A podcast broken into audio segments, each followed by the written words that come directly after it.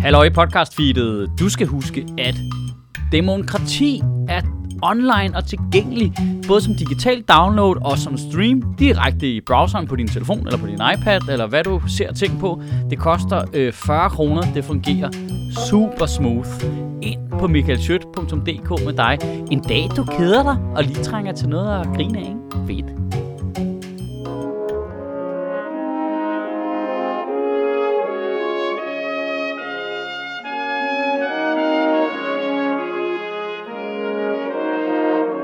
Så hvad? Jeg skal, så jeg skal både tale langsomt, så dem på Facebook fatter det, og hurtigt, så dem på TikTok ikke keder sig. Hvorfor er der overhovedet ansat? Goddag.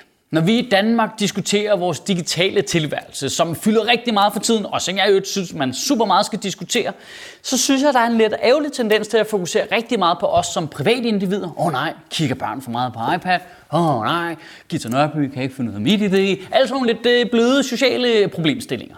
Øh, vi mangler lidt at kigge på, øh, hvordan ser det egentlig ud med øh, voksne og øh, statsansatte og kommunalansattes tid ved sådan en skærm der? Bruger de lidt for meget tid indenfor, og lidt for lidt tid ude i virkeligheden? Altså, hvad er reglerne egentlig for skærmtid for sådan en sagsbehandler i kommunen? Der er bare noget spøjst i, at vi kan sagtens identificere problemet, når vi kigger på unge. Nej, nej, nej, nej, de skal da ikke sidde der indenfor og spille computer hele tiden, mand. De skal da komme ud og få noget frisk luft, og de skal øvrigt ikke drikke alle de øh, energidrik med koffein i. Nej. Men der er ikke nogen, der kan øh, du ved, vende blikket på øh, voksne. Der er slet ikke noget kritisk syn der overhovedet. Hey, Jytte, mand, du skal sgu da ikke sidde inde på det kontor og kigge på en skærm hele fucking dagen, mand. Og du drikker også alt det der kaffe med koffein i. Din mave kan ikke tåle det. Kom ud, mand. Det lugter af helvede. Og nu laver jeg lige en kobling her, som øh, slet ikke var gået, hvis jeg var journalist. Vi drejer lige hårdt i rettet. Ifølge den danske ankestyrelse, så er der, øh, vurderer man, fejl i over 60% af kommunernes behandlinger af sager på handicapområdet. Altså hvor en borger har brug for hjælp, har søgt om noget og fået afslag, og så øh, klager til Ankestyrelsen og får øh, medhold efterfølgende. Det er i gennemsnit over 60 procent. Der er øh, alle mulige forskellige slags øh, statistikker på forskellige former for øh, ansøgninger. Øh, det grældeste eksempel er fra 2008, hvor over 95 procent af sagerne, øh, af, hvor borgere skulle have øh, økonomisk støtte til praktisk hjælp, havde fejl i sig.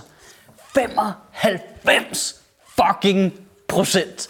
Og øh, nu hiver jeg lige, det er lige, nu tager jeg lige det spidseste stykke statistik her, ikke? og stikker med. Men ja, ja, min påstand er, at det var simpelthen ikke sket, hvis du skulle kigge borgerne i øjnene og se konsekvensen af, hvad det var, der skete.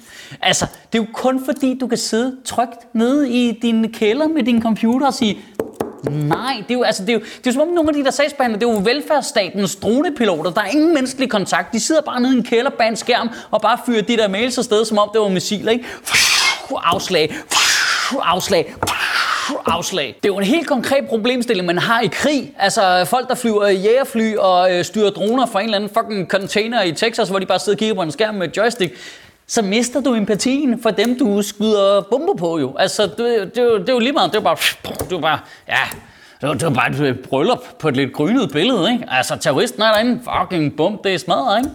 Og når du sidder der i alle de der råd og nævn og kommunale ting og sådan noget, og det hele bare foregår på en computer, og der er ikke nogen borgere i nærheden, det hele er bare sådan helt...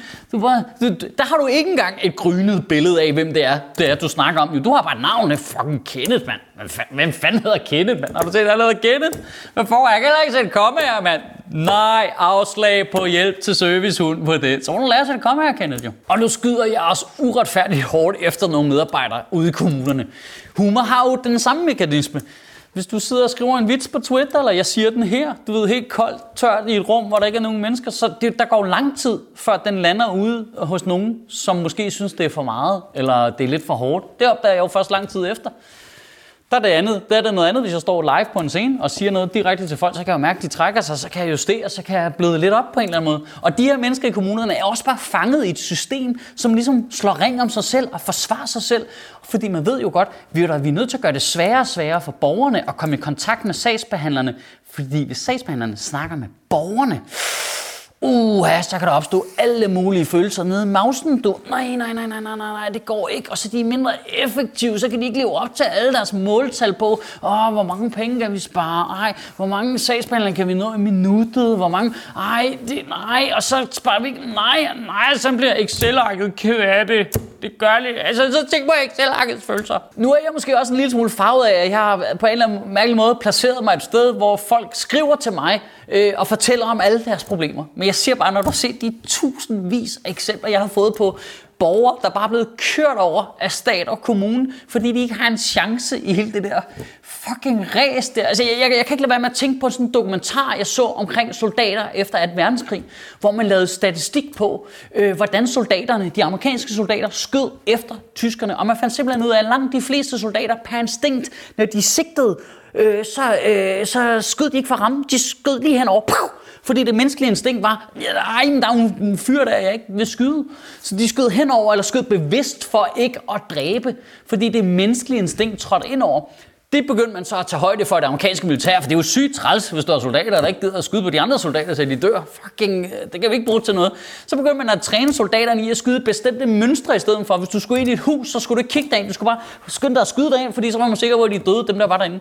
Og det er jo præcis det fucking samme, der sker, når man siger, åh oh, nej, vi kan ikke have, at dem, der arbejder inde på kommunen og forvalter vores penge, snakker med borgerne. Så får de jo empati med dem. Det dur ikke. Kan de ikke udfylde en form for kan de ikke udfylde nogle spørgeskemaer online, og så kan der sidde en medarbejder på den anden side af skærmen og bare køre af på sådan en checklist der. Al empatien forsvinder jo. I ugen, der kommer, der synes jeg bare, det kunne være skønt, hvis folk bare gad tænke en lille smule over, at vi i stat og kommune har en masse måltal for, hvor mange penge sparer vi, hvor hurtigt går det, hvor alt muligt. Kunne det være sympatisk og gavnligt for dem, der arbejdede derinde, hvis vi tilføjede nogle måltal for, hey, hvor tit har du været udenfor, mand? Altså, hvor tit har du snakket med en borger? Øh, hvor tit har vi lavet en pissegod løsning for en borger? Altså, jamen jeg ved godt, det lyder helt sindssygt. Det er ligesom at vende mekanikken om og sige, åh, skulle systemet være til for borgerens skyld og ikke omvendt?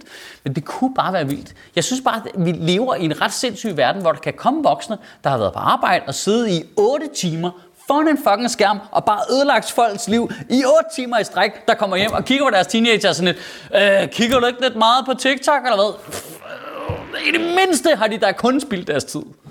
Kan du have en rigtig god uge og bevare min bare røv.